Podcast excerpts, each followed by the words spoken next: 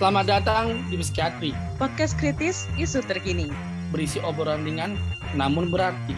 Dari sisi mahasiswa yang terbuka, tanggap, juga peduli. Dibawakan langsung oleh kami, Kastrat BEM FK Sakti. Selamat pagi, siang, sore, atau malam. Selamat datang buat para pendengar psikiatri, podcast kritis isu terkini. Perkenalkan, saya Iksan Budi Saryo, selaku Ketua Biro Kajian dan Strategi BEM FKU Sakti, selaku host pada episode kali ini, dan saya nggak sendiri, saya akan ditemani oleh teman saya, yaitu Saya Maulana Isfandia, selaku staf dari Biro Kajian dan Strategi BMFKU Sakti. Oke, eh, ter- kita kan hari ini kita akan membahas terkait permasalahan yang saat ini sedang hangat di Universitas Trisakti di kampus reformasi kita tercinta kali ini terkait permasalahan kelembagaan dari Yayasan dan Rektorat Trisakti. Sebenarnya ada apa sih dari permasalahan ini? Nah, untuk membahas kali ini kita nggak akan sendiri, kita sudah ada kedatangan dari Wakil Presiden Mahasiswa dari Kepresidenan Mahasiswa Universitas Trisakti yaitu Kani Hanihaya. Eh, halo Kak. Halo, Halo. Bimo dan di Maulana ya. Halo Kak. Halo teman-teman. Halo, sebenarnya makasih banget Kak udah mau menyempatkan hadir. Eh, terkait permasalahan ini Kak, sebenarnya eh, mungkin banyak dari MMFK ataupun MMUT yang masih belum tahu nih Kak, sebenarnya ada apa sih terkait permasalahan ini Yayasan Kelembagaan Trisakti dan sebenarnya apa sih Kak duduk permasalahan yang sedang terjadi nih di Kelembagaan Universitas Trisakti Kak? Oke, terima kasih atas pertanyaannya dari Dewo. Jadi duduk permasalahan yang saat ini terjadi pada Universitas Trisakti itu adalah tidak jelasnya Universitas Trisakti ini apakah universitas swasta ataupun negeri gitu. Jadi intinya masalah kelembagaan Usakti itu sendiri dari Trisakti ini statusnya seperti universitas apa sih gitu. Kak, berarti ketidakjelasan ini yang akhirnya membuat sengketa antara dua pihak rektorat maupun yayasan ya Kak? Betul sekali. Eh, nah, Kak, eh, nah Kak, dari duduk permasalahan tersebut Kak, mungkin bisa dilatar belakangi dari suatu kejadian yang pernah terjadi di masa lampau Kak. Kira-kira boleh nggak sih Kak tolong diceritakan sejarah permasalahan dari kelembagaan di Universitas Trisakti ini Kak?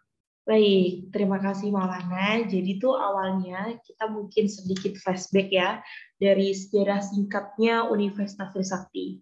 Pada awal mulanya, sebelum adanya Universitas Trisakti ini, dulu itu ada namanya Universitas Republika atau Eureka.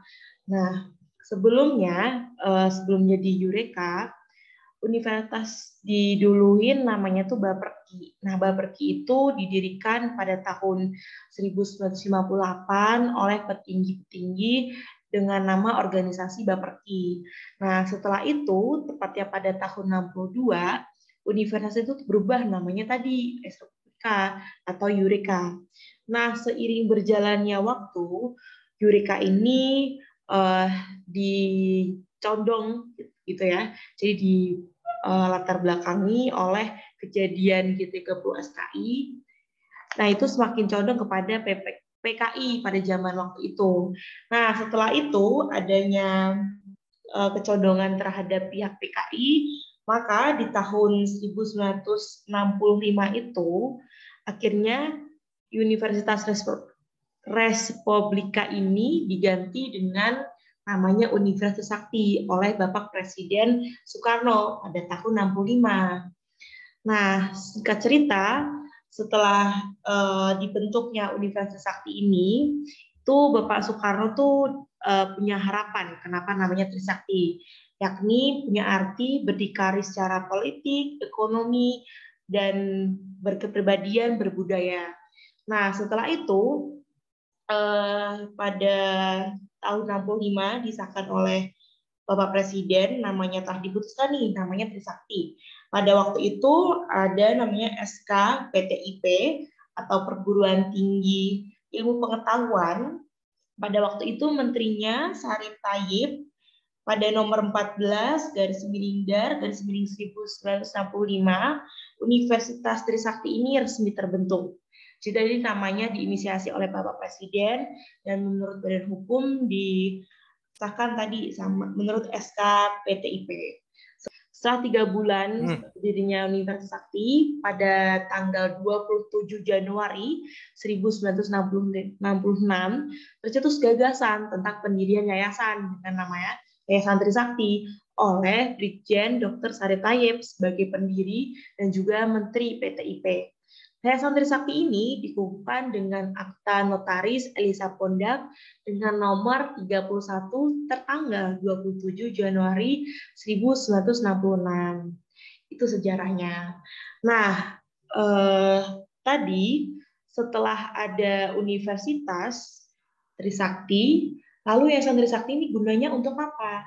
Pada waktu itu gunanya dari Yayasan Trisakti ini untuk mengatur keseluruhan dari uh, pola pendidikan yang ada di Universitas Sakti. Jadi uh, keseluruhan pola-polanya dari pembayaran, dari gedung-gedung yang ada di Universitas Sakti itu diaturlah oleh yayasan. Oke, masuklah pada permasalahan konflik yayasan dan rektorat. Yayasan Trisakti ini berpendapat bahwa Yayasan Rektor uh, Trisakti adalah badan hukum private penyelenggara daripada Universitas Sakti dan kekayaannya merupakan milik publik. Landasan dari Yayasan Trisakti ini adalah SK Mendikbud RI nomor 0281 garis miring U garis miring 1979 tepatnya pada tanggal 31 Desember 1979. 79. Nah, setelah itu uh, dicantumkan pada agenda pertama menyatakan bahwa penyerahan pembinaan serta pengelolaan Universitas Trisakti itu kepada Yayasan Trisakti. Dan di tahun 1998, tepatnya di tanggal 9 September, Yayasan Trisakti ini mengangkat rektor, yakni Profesor Dr. Tobi Mutis itu.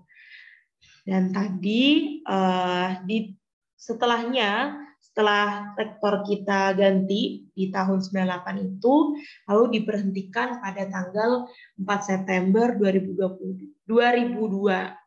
Nah, sebabnya apa teman-teman? Sebabnya pada saat waktu itu Yayasan Trisakti itu berpendapat bahwa Profesor Dr. Tobi Mutis itu telah melakukan kesalahan prinsip. Nah, kesalahan prinsipnya ini berhubungan dengan menggantinya statuta Usakti dan mendirikan Badan Hukum Pendidikan Usakti atau bisa disebut sebagai badan hukum pengganti daripada posisi Yayasan Trisakti. Nah, ini dari perspektif Yayasan Trisakti.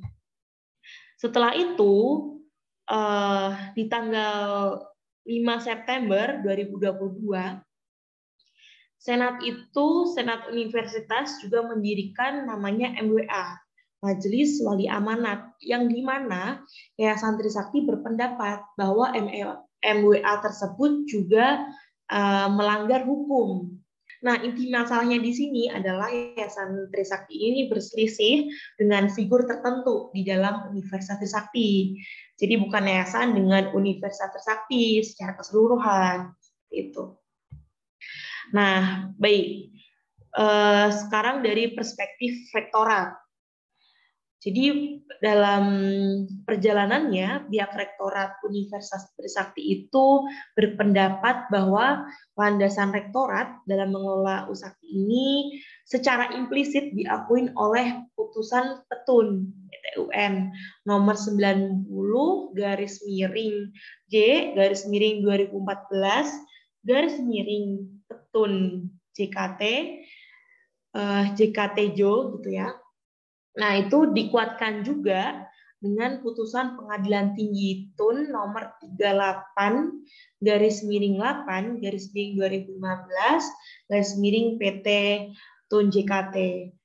Nah, setelah itu juga ada namanya putusan kasasi di nomor uh, 435K garis miring Tun garis miring 2015 yang mana merupakan putusan paling mutakhir lah di antara konflik ini gitu. Nah, lalu uh, putusan kasasi tersebut diucapkan tertanggal 30 September 2015 oleh majelis hakim bahwa pihak rektorat ini tidak ada hubungannya dengan subordinasi antara universitas dan yayasan rektorat kayak gitu. Jadi meskipun secara de facto-nya ada hubungan nih antara universitas dan yayasan Trisakti, kan tadi kalau teman-teman ingat di awal sejarahnya setelah universitas kan diturunkan tuh setelah tiga bulan setelahnya kan diturunkan dan dibentuk adanya Yayasan Trisakti. Jadi kalau ditilik dari sejarah, memang secara de facto-nya mereka ini ada hubungan gitu. Namun di sini eh, menurut rektorat sendiri hubungan tersebut tuh timbul di antara keduanya berdasar atas kesepakatan pimpinan universitas dan juga pengurusan Trisakti. Kayak gitu. Itu juga ada uh, argumentasi tuh dari pihak rektorat dalam akta misalnya dalam akta notaris Elisa Ponda jadi dia berpendapat bahwa sama sekali tidak disebutkan tujuan didirikannya yayasan dan hubungannya dengan Universitas Sakti. Jadi tidak ada kata-kata yang menyebut Universitas Sakti di dalamnya kayak gitu. Ada juga yang menyebutkan bahwa pembukaan Usakti ini berdasarkan surat keputusan Menteri PTIP tanggal 29 tahun 65 menyatakan bahwa USAP ini dibuka oleh pemerintah Republik Indonesia. Tuh, jadi beberapa uh, apa namanya argumentasi-argumentasi yang dimiliki oleh pihak rektorat tersebutlah yang menjadi pola pikir atau perspektif dari rektorat pusat itu sendiri. Seperti itu teman-teman. Oh, oke okay, baik kak. Uh, yang seperti tadi Kaniha ceritakan dimulai dari uh, Trisakti sendiri itu diawali dengan Universitas Baperki pada tahun 1958, lalu berubah namanya menjadi Res, uh, Universitas Respublika atau bisa dikenal dengan UREKA. Lalu setelah itu uh, tiga bulan kemudiannya itu uh, dia setelah berdiri Universitas Trisakti itu dia uh, ada sistem atau terdirinya yayasan dengan nama Yayasan Universitas Trisakti. Nah, dari permasalahan atau konflik Yayasan Rektorat ini terdapat dua perspektif ya, Kak. Perspektif antara Yayasan Trisakti maupun uh, Rektorat dari Trisakti gitu kan, Kak. Untuk perspektif dari Yayasan Trisakti ini tuh dia kurang lebihnya dari Prof. Tobi ini dia melakukan kesalahannya kayak melakukan kesalahan berupa kesalahan prinsip yang di mana dia berhubungan dengan mengganti statuta Trisakti dan mendirikan Badan Hukum Pendidikan Usakti Lalu setelah itu juga uh, Yayasan Trisakti berpendapat bahwa MWA ini tuh dia melanggar hukum gitu. Inti masalahnya itu dari menurut perspektif dari dari Yayasan Trisakti itu adalah Yayasan Trisakti ini berselisih dengan figur tertentu di dalam Universitas Trisakti, bukan yayasan dengan Universitas Trisakti secara keseluruhan. Tetapi kalau misalnya di dari prinsip uh, atau perspektif rektorat itu uh, pihak rektorat dia itu berpendapat tidak ada hubungan subordinasi antara universitas dan yayasan Trisakti ya Kak. Dan dikuatkan lagi dengan beberapa argumentasi yang lainnya. Kurang lebih seperti itu ya Kak. Ya benar. Jadi pada intinya permasalahan yang mendasar nih antara uh, Universitas Sakti dan yayasan ini adalah mengenai masalah hak kepemilikan dan juga pengelolaan atas Universitas Trisakti itu sendiri. Tadi uh, di awal aku jelaskan dari perspektif rektorat dan juga yayasan itu kan tadi menyebutkan nih jadi saling kuat-kuatan argumen gitu. Tadi ada akta Elisa Ponda terus satunya tadi ada keputusan PTUN dan lain sebagainya. Tapi kalau kita ditanya sebenarnya permasalahan mendasar kenapa sih sampai yayasan rektorat ini bisa uh, berselisih gitu ya? Jadi intinya adalah masalah hak kepemilikan dan serta pengelolaan atas usaha itu sendiri itu. Jadi uh, penyelenggaraan pertama Yayasan Trisakti itu berjalan normal tanpa ada masalah dari tahun 1966 hingga awal tahun 2022 2002 maaf yang mana tadi Profesor Topi Mutis yang menjabatkan. Nah, permasalahan mulai timbul itu pada bulan April yang mana dari Profesor Tobi Mutis diturunkan tadi ya atas alasan dan sampai saat ini terus berlarut dan hingga menimbulkan ketidakjelasan selama hampir uh, puluhan tahun ini gitu teman-teman. Oke kak, uh, makasih banget atas penjelasannya. Semoga MMFK-nya mulai tercerdaskan ya kak dari terkait permasalahan ini dan sudah tahu nih sebenarnya titik permasalahannya ada di mana. Nah terkait permasalahan ini kak sebenarnya urgensi dari permasalahan kelembagaan di Trisakti ini seperti apa, Kak? Baik. Jadi kalau berbicara mengenai urgensi, permasalahan di kelembagaan ini sebenarnya merupakan urgensi bersama teman-teman. Jadi teman-teman dari uh, Fakultas Kedokteran maupun masyarakat mahasiswa Universitas Trisakti secara keseluruhan ini harus paham betul mengapa sih kita harus aware terhadap permasalahan kelembagaan ini? Karena teman-teman kita juga merasakan dampaknya dengan ketidakjelasan dari Universitas Trisakti ini. Apakah Universitas Trisakti ini miliknya eh, rektorat atau pemerintah atau miliknya dari yayasan seperti itu. Karena teman-teman, kita ketahui kerugian-kerugian yang ditimbulkan akibat permasalahan ini sebenarnya sudah kita rasakan semenjak 2002 hingga saat ini teman-teman. Kalau kalian eh, rasakan hal yang sama gitu. Pertama, adanya fasilitas yang dirasa kurang memadai, terus bayaran yang tinggi namun yang didapatkan oleh mahasiswa itu kurang. Nah, hal-hal seperti itulah yang sebenarnya kita harus pahami bahwa semua ini hubungannya terkait dari masalah kelembagaan dari Trisakti yang saat ini belum jelas. Gitu teman-teman. Oke, baik Kak. Terima kasih banyak uh, uh, atas penjelasannya. Mungkin buat teman-teman FK juga yang belum tahu bahwa di tahun 2016 itu ada permasalahan juga di FK karena uh, senior-senior kita yang di tahun 2016 itu harusnya melakukan sumpah dokter terpaksa tidak bisa melakukan sumpah dokter dan tidak bisa mengurus dari ijazah dokternya karena tidak bisa mengurus ijazah dokternya otomatis uh, mereka akan sulit untuk uh, melakukan pendaftaran internship. Kenapa uh, tidak bisa keluarkannya ijazah dokter karena tidak adanya rektor yang jelas dari Trisakti, entah dari rektorat ataupun dari yayasan. Maka dari itu sebenarnya ini permasalahan yang cukup uh, pelik terutama bagi kita MMFK nih yang nantinya harus juga aware ya kayak untuk betul, terkait betul. permasalahan ini gitu. Jangan sampai kejadian ini terulang lagi di tahun ini gitu. Baik, terima kasih banyak Kak atas penjelasannya Kak. Oke, baik Kak. Saya izin untuk melanjutkan kembali Kak. Nah, atas dasar urgensi tersebut Kak, eh, kira-kira Kak, apa sih Kak dampak bagi kita selaku MMUT atas permasalahan kelembagaan di universitas, terutama jalannya uh, tridharma perguruan tinggi kan selaku kita mahasiswa tentunya tridharma perguruan tinggi itu harus berjalan juga kan kak. Nah untuk jangkanya itu kira-kira jangka pendek atau jangka panjangnya dari Kania boleh tolong dipaparkan mungkin kak? Betul terkait dari dampak ya teman-teman ya. Betul. Jadi kak. perlu kita ketahui sebenarnya dampaknya ini secara uh, keseluruhan MMUT ini juga merasakan gitu. Yang pertama yang paling erat dengan kesetiap hariannya pembelajaran kita, fasilitas tadi ya yang pertama. Mengenai fasilitas yang kita dapatkan itu tidak memadai teman-teman. Kalau teman-teman ketahuin gitu ya, misalnya dari teman-teman fakultas kedokteran saja. Sekarang eh, dirasa untuk penunjang pembelajarannya, teman-teman harusnya sudah ada eh, semacam rumah sakit khusus gitu ya teman-teman ya namun sampai saat ini kalau kita kalau kita cross check kembali rumah sakit yang khusus yang digunakan oleh teman-teman Fakultas Kedokteran ini belum ada sampai saat ini. Betul ya teman-teman ya?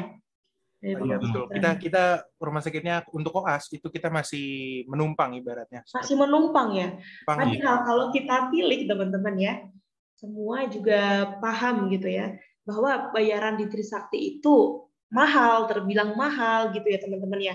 Apalagi dari Fakultas Kedokteran dan juga FKG yang ada di kampus B, itu sebenarnya sangat bisa untuk memiliki fasilitas-fasilitas seperti rumah sakit, seperti laboratorium yang mendukung, seharusnya sangat bisa teman-teman. Karena tadi melihat dari jumlah biaya yang kita keluarkan. Seperti itu. Nah, selain itu, selain dari fasilitas yang kita dapatkan, hak pendidikan kita ini uh, bisa dibilang kurang layak. Baik lagi, kenapa bisa dibilang begitu?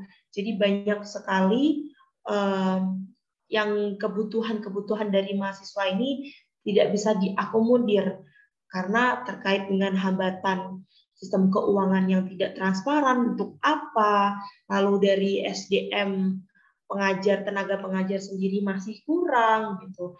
Itu baik lagi dari apa? Eh, dampaknya apa? Dampaknya terhadap hak pendidikan yang layak bagi kita ini dirasa kurang teman-teman. Itu yang kedua.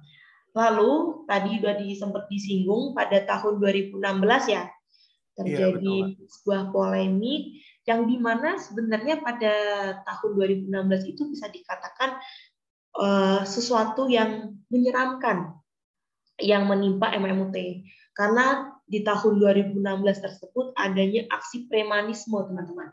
Yang mana sekitar 30 preman itu masuk ke kampus kita dan melakukan uh, namanya penggerbekan dan dari sumber yang kita dapat juga dari abang-abang di tahun 2016 itu tidak hanya penggerbekan yang dilakukan oleh 30 preman itu, tapi juga ada penjarahan. Nah, pada tahun 2016 itu dari preman tersebut memaksa masuk dan melakukan tindakan-tindakan yang tadi menyeramkan.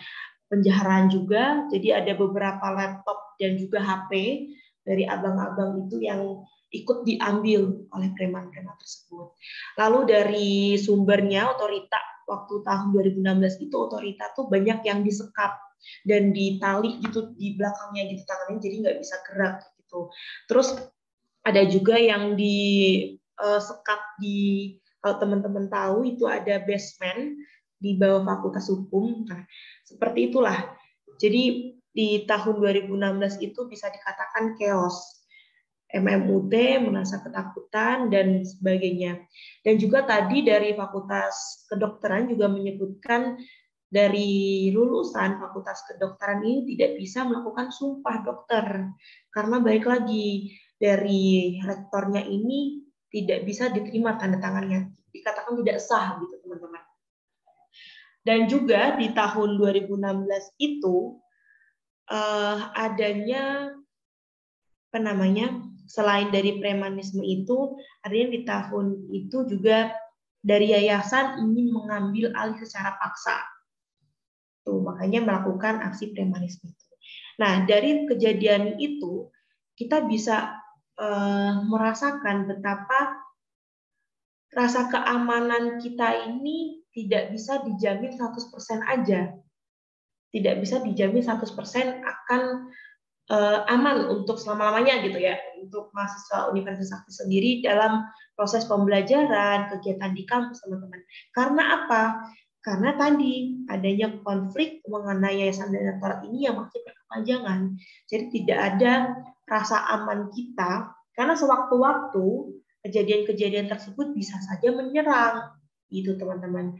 Yang sekarang kita ketahui di tanggal 24 nanti itu juga sudah digadang-gadang akan adanya proses eksekusi yang mana di tanggal 24 nanti dikhawatirkan tahun 2016 akan terjadi lagi seperti itu teman-teman. Jadi dari sini bisa tergambarkan ya apa saja dampak-dampak real mengenai adanya polemik permasalahan yang sangat ini. Selain itu juga transparansi keuangan yang ada di Trisakti ini tidak bisa dilakukan oleh pihak Universitas Sakti. Karena apa? Ya karena tidak jelas memang arahnya ke mana nih alurnya dari keuangan yang ada di Trisakti ini. Pada tahun 2019 kemarin, dari zamannya Presdino di Kabin Optimis sudah pernah diadakan audiensi untuk menuntut pihak rektorat itu uh, melihatkan transparansi keuangan kita ke mana saja. Cuma pada waktu itu yang diperoleh dari teman-teman MPT ini tidak rasa tidak ada rasa puas karena proses transparansi keuangan ini terbatas teman Jadi dari pihak kampus pun tidak bisa memaparkan secara detail uang kita ke mana alokasinya. Nah, hal ini kan baik lagi. Kenapa sih bisa seperti ini? Baik lagi karena tadi masih adanya proses polemik yang belum selesai dari yayasan dan rektorat. Mungkin seperti itu teman-teman dari eh, dampak-dampak yang bisa dipaparkan. Oh ya, selain itu juga bisa diketahui teman-teman dari adanya aset Trisakti yang tidak eh, bisa diketahui dengan jelas aset Trisakti ini apa saja sih sebenarnya kok uh, bisa menimbulkan polemik begitu berkelanjutannya dari tahun 2020 2002 hingga sekarang. Nah, itu aset yang tidak diketahui kejelasannya. Ya. Baik, begitu mungkin teman-teman dari dampak yang real gitu ya dari permasalahan kelembagaan. Oke, baik Kak. Mungkin sedikit menyimpulkan kali ya Kak untuk dampak-dampaknya sendiri ini eh, dampak secara nyata yang akan kita rasakan itu seperti yang tadi Kania Kania bilang itu yang saya catat ini ada lima poin. Yang pertama ada fasilitas yang kita dapat nantinya tidak memadai atau maksimal. Lalu yang berikutnya hak pendidikan kita itu uh, kurang layak. Nanti itu disebabkan oleh karena kebutuhan mahasiswa itu tidak diakomodir dengan baik oleh pihak-pihak jajaran di UNIF karena kurangnya transparansi yang jelas. Lalu juga yang ketiga, rasa ketidakamanan itu tidak uh, rasa ketidakamanan akan terasa bagi kita selama kita menjalankan proses pendidikan ataupun kegiatan pembelajaran ataupun keorganisasian dan lain-lainnya, Kak. Lalu untuk yang berikutnya, uh, dampak berikutnya itu transparansi keuangan tidak bisa dilakukan oleh pimpinan Lalu yang terakhir ini dampak yang terakhir itu aset dari Trisakti ini nantinya tidak akan diketahui dengan jelas ya kak. Kurang lebih seperti itu ya kak. Iya betul. Terima kasih Maulana telah menyimpulkan kembali. Baik, terima kasih kak. Baik kak, izin bertanya kembali kak. Kan sebenarnya polemik ini sudah terjadi dari sejak 2002 sampai sekarang 2021. Sebenarnya proses penyelesaian terakhir saat ini uh, itu seperti apa sih kak? karena masalah ini tentunya udah lama, udah menjadi polemik juga, udah berkali-kali menjadi permasalahan dan berkali-kali tentunya sudah ada beberapa penyelesaian. Namun sampai saat ini kembali lagi terjadi permasalahan yang sama gitu kak dan belum tuntas. Sebenarnya penyelesaian terakhirnya tuh sejauh apa kak saat ini? Oke, terima kasih atas uh, pertanyaannya kembali ya dari saudara Dewo. Baik, sebenarnya penyelesaiannya yang dilakukan mahasiswa ya khususnya sejauh ini sudah sangat uh, dibilang maksimal gitu teman-teman. Namun balik lagi ternyata hasilnya yang belum maksimal gitu. Kita bisa lihat tilik dari zamannya Bang Kader ya waktu itu Pres Kader pada tahun 2016 itu dari Bang Kader sendiri dengan adanya apa namanya dengan adanya aksi premanisme yang ada di kampus lalu dari pres kader ke presiden mahasiswa ini berniat untuk wah, yuk kita nggak bisa nih dengan kondisi yang seperti ini MMUT apalagi ke Presma ini hanya diam saja gitu. Nah, pada tahun 2016 itu akhirnya disepakatin bahwa kita mahasiswa seharusnya punya uh, punya standing point nih untuk sebagai penengah antara uh, konflik yayasan rektorat yang mana konflik ini juga membawa dampak buruk bagi MMT itu sendiri. Nah, maka dari itu di tahun 2016 itu Presiden mahasiswa menolak keberadaan kedua versi dari rektor tersebut. Jadi versi yayasan dan versi, versi rektorat presiden mahasiswa dengan atas nama MMUT itu menolak adanya rektor yang terafiliasi sama dua dua apa namanya versi tersebut dari yayasan atau rektorat. Maka dari itu masuklah di tahun uh, itu dari kita mengangkat dari negara mengangkat dari PJS rektornya itu Profesor uh, Ali itu Ali Gufron masuk untuk sebagai penengah dan menandakan bahwa negara hari ini hadir di tengah-tengah antara konflik yayasan dan rektorat. Nah, seperti itu teman-teman. Dan juga di zaman kabinet optimis, Presino itu sudah beberapa kali audiensi dilakukan. Pertama itu eh, kalau nggak salah di tanggal 20 Agustus ya waktu itu di 2019 itu ada audiensi yang dilakukan bersama dengan tim Biro Hukum Kemenristek Dikti. Jadi waktu itu ada agenda-agendanya pemaparan dari pihak mahasiswa terkait kelembagaan Trisakti, kajian-kajian terbarunya juga dilengkapi dengan dampak-dampaknya ya juga dipaparkan. Nah, waktu itu ada tanggapan tuh teman-teman dari dari Biro Hukum Kementerian Sekti. Yang pertama waktu itu hmm, tim Biro Hukumnya tersebut sudah mengetahui dari permasalahan kelembagaan Trisakti. Dan dari tim Biro Hukum itu sudah membuat kajian yang akan diberikan kepada pimpinan. Nah, seperti itu. Nah, lalu dari tim Biro Hukum tersebut juga sempat menjelaskan bahwa kasus Trisakti ini memang sungguh kompleks gitu. Jadi kalau nggak salah ada bukunya di Direktorat Jenderal Pendidikan ya. Memang dari kasus Trisakti ini uh, selain kompleks juga terdapat hal-hal yang unik ya tadi di sejarah awalnya bahwa ada Universitas Trisakti Lalu setelah tiga bulan setelah itu didirikan juga Yayasan Trisakti untuk mengelola universitas tersebut. Nah, ini tuh dianggap dari eh, tadi catatan buku juga dianggap bahwa situasi ini memang situasi unik gitu. Jadi tidak sederhana memang karena tadi uh, dikatakan sungguh kompleks gitu ya.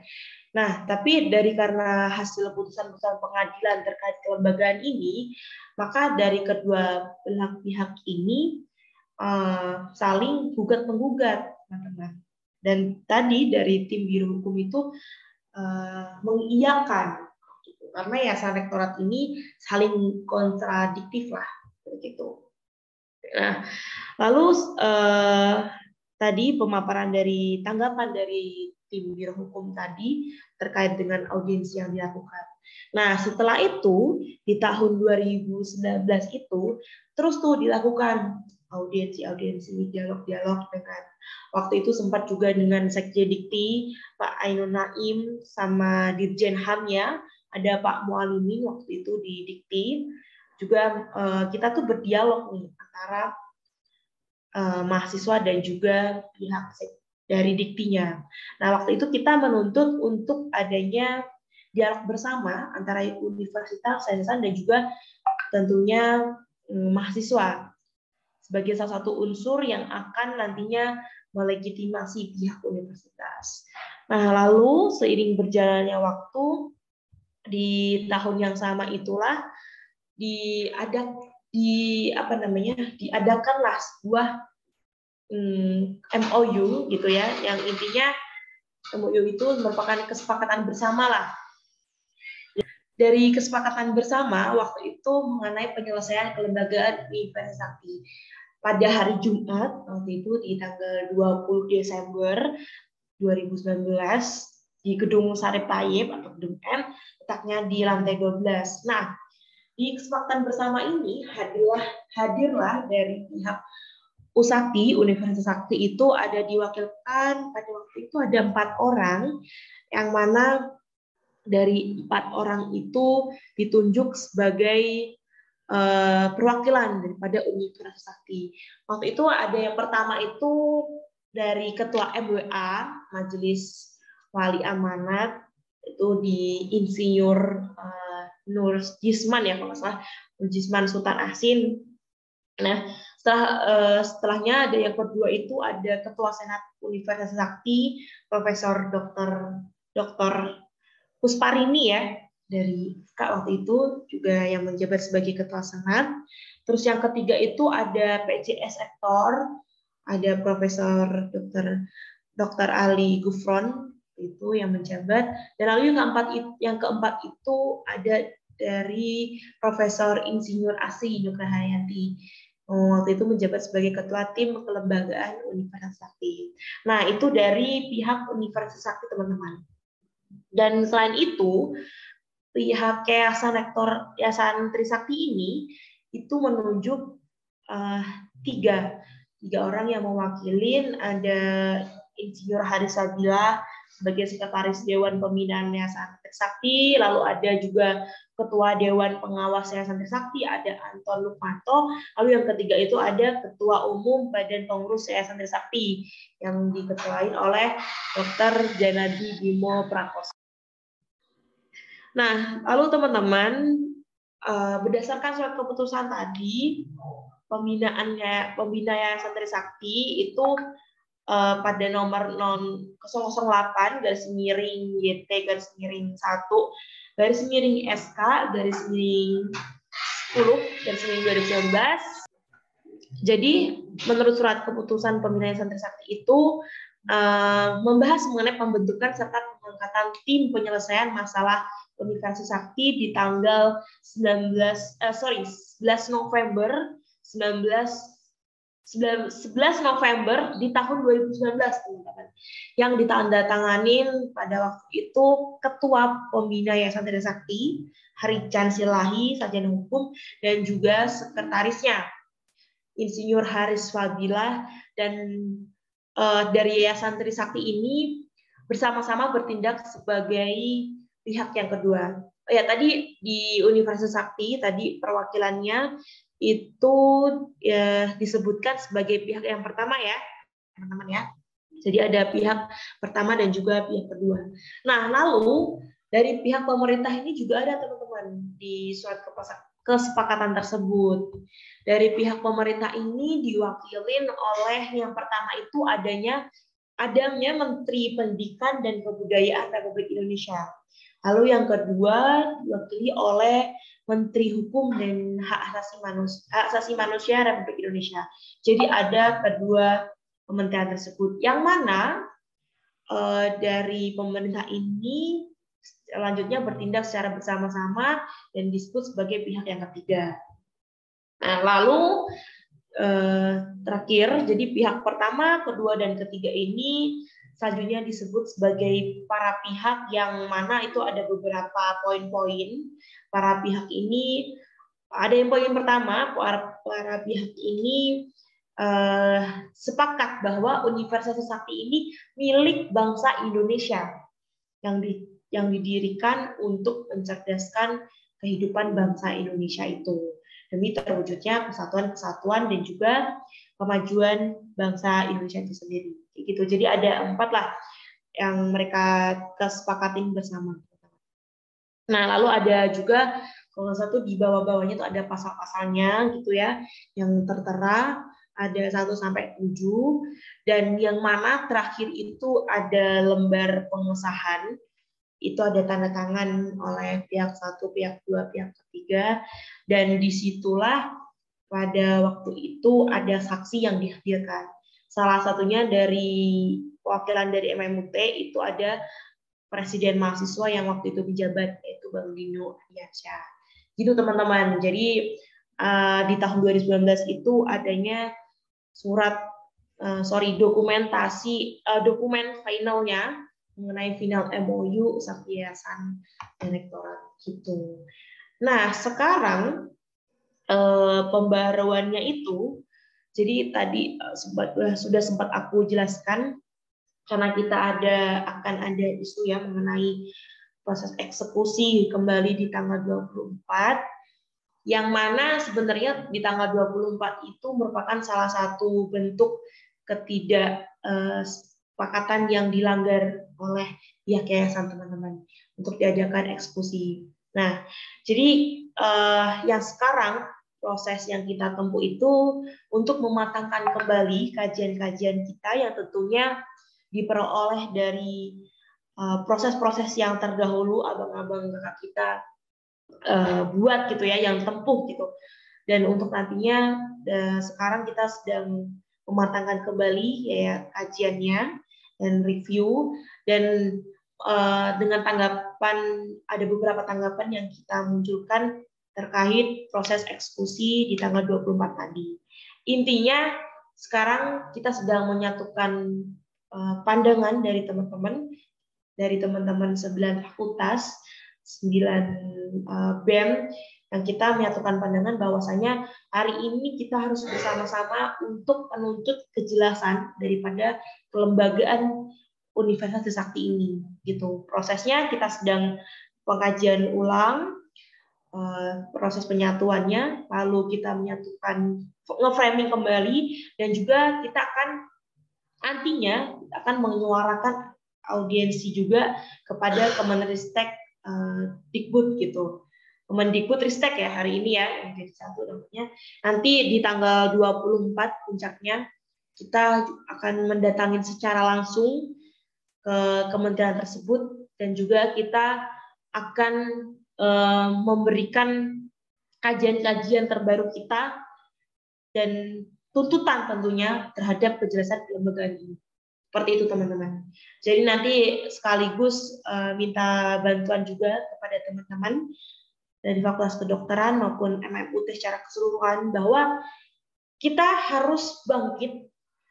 Jadi kita harus satu framing untuk kembali menyuarakan tuntutan-tuntutan kita terkait kelembagaan Universitas Sakti ini harus jelas. Gitu, gitu mungkin teman-teman. Baik. Baik. Terima kasih. Mungkin kalau saya boleh simpulkan, berarti di tahun 2016 eh, Kepresidenan Mahasiswa menolak adanya rektor yang berasal dari re pihak rektorat maupun yayasan.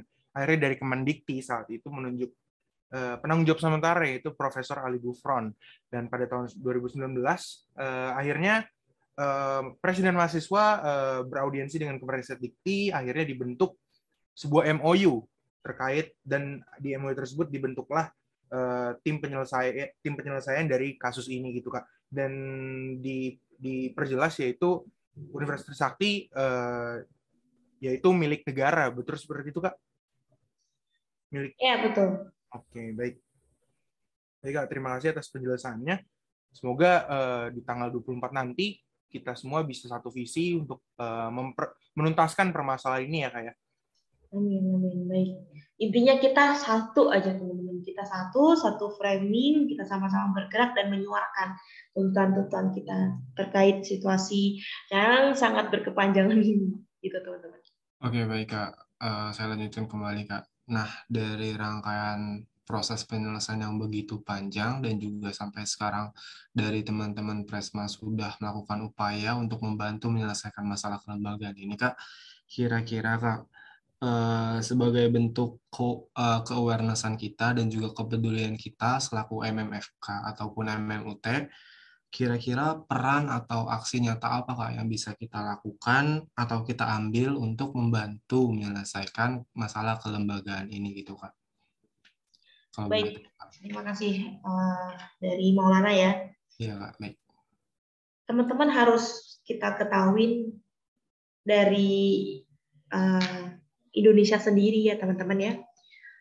Sebelum menyatakan merdeka dari Bapak uh, proklamator kita dari Bapak Soekarno dan Bung Hatta, waktu itu berpikir ya sudah ini diproklamirkan dulu dan menyatakan Indonesia merdeka, baru setelah itu akan kita uh, apa namanya diskusikan kembali terkait dengan, dengan tatanan negara yang seperti apa, keseluruhan dan sebagainya seperti itu. Dan itu pun bisa secara, dalam waktu sesingkat-singkatnya kan Indonesia merdeka. Hari ini teman-teman sebenarnya kita uh, tidak usah berpikir terlalu jauh gitu ya. Nanti uh, setelah ini PTS dan PTN bagaimana sistemnya dan lain sebagainya. Mungkin kekhawatiran-kekhawatiran dari teman-teman MFT sudah mengacu ke arah sana gitu ya teman-teman ya. Nah, sekarang pola kita tuh harus jadi satu. Bahwasanya hari ini kita ini merdeka aja dulu teman-teman. Universitas Sakti ini merdeka aja dulu karena dengan adanya polemik seperti ini dikatakan bahwa hari ini Trisakti itu belum merdeka masih belum jelas statusnya PTS atau PTN. Maka dari itu teman-teman, kita masyarakat mahasiswa Universitas Sakti saling berpegangan erat tangan, saling membangkitkan satu sama lain, yang mana kita bisa menyuarakan aspirasi kita, tuntutan-tuntutan kita terkait mengenai kejelasan daripada Universitas Sakti ini apakah Universitas Sakti ini swasta atau Universitas Trisakti ini negeri. Baik lagi peran kita ini apa sih yang sebenarnya bisa kita lakukan gitu ya. Jadi selain kita satu sama lain saling mengingatkan, membahas dan mungkin untuk eh, teman-teman uh, dari angkatan yang masih aktif ya 2018 ke bawah gitu sampai tahun 2020 gitu ya. Sekiranya yang masih mendapatkan uh, informasi-informasi terkait kelembagaan ini ya saling share dan mengedukasi kepada adik-adiknya yakni khususnya di tahun 2021 ya mahasiswa barunya. Jadi saling mengedukasi bahwasanya hari ini Trisakti ini tidak sedang baik-baik aja loh. Trisakti ini belum merdeka. Itu. Jadi dari langkah-langkah terkecil kita bisa melakukan uh, proses yang mana pengedukasian, penyebaran informasi. Nah, lalu setelah itu apa teman-teman? Setelah, setelah itu kita juga sama-sama bisa mendukung daripada jelasnya kelembagaan ini dengan apa? Dengan adanya partisipasi kita. Nanti tepatnya di tanggal 24 kita sama-sama menghadiri acara tersebut untuk nantinya kita menuntut pihak eh, negara hari ini Kemenristek Dikbud, ada juga Kemenkel dan juga nanti Kemenkumham untuk menjelaskan status kelembagaan Trisakti itu seperti apa gitu.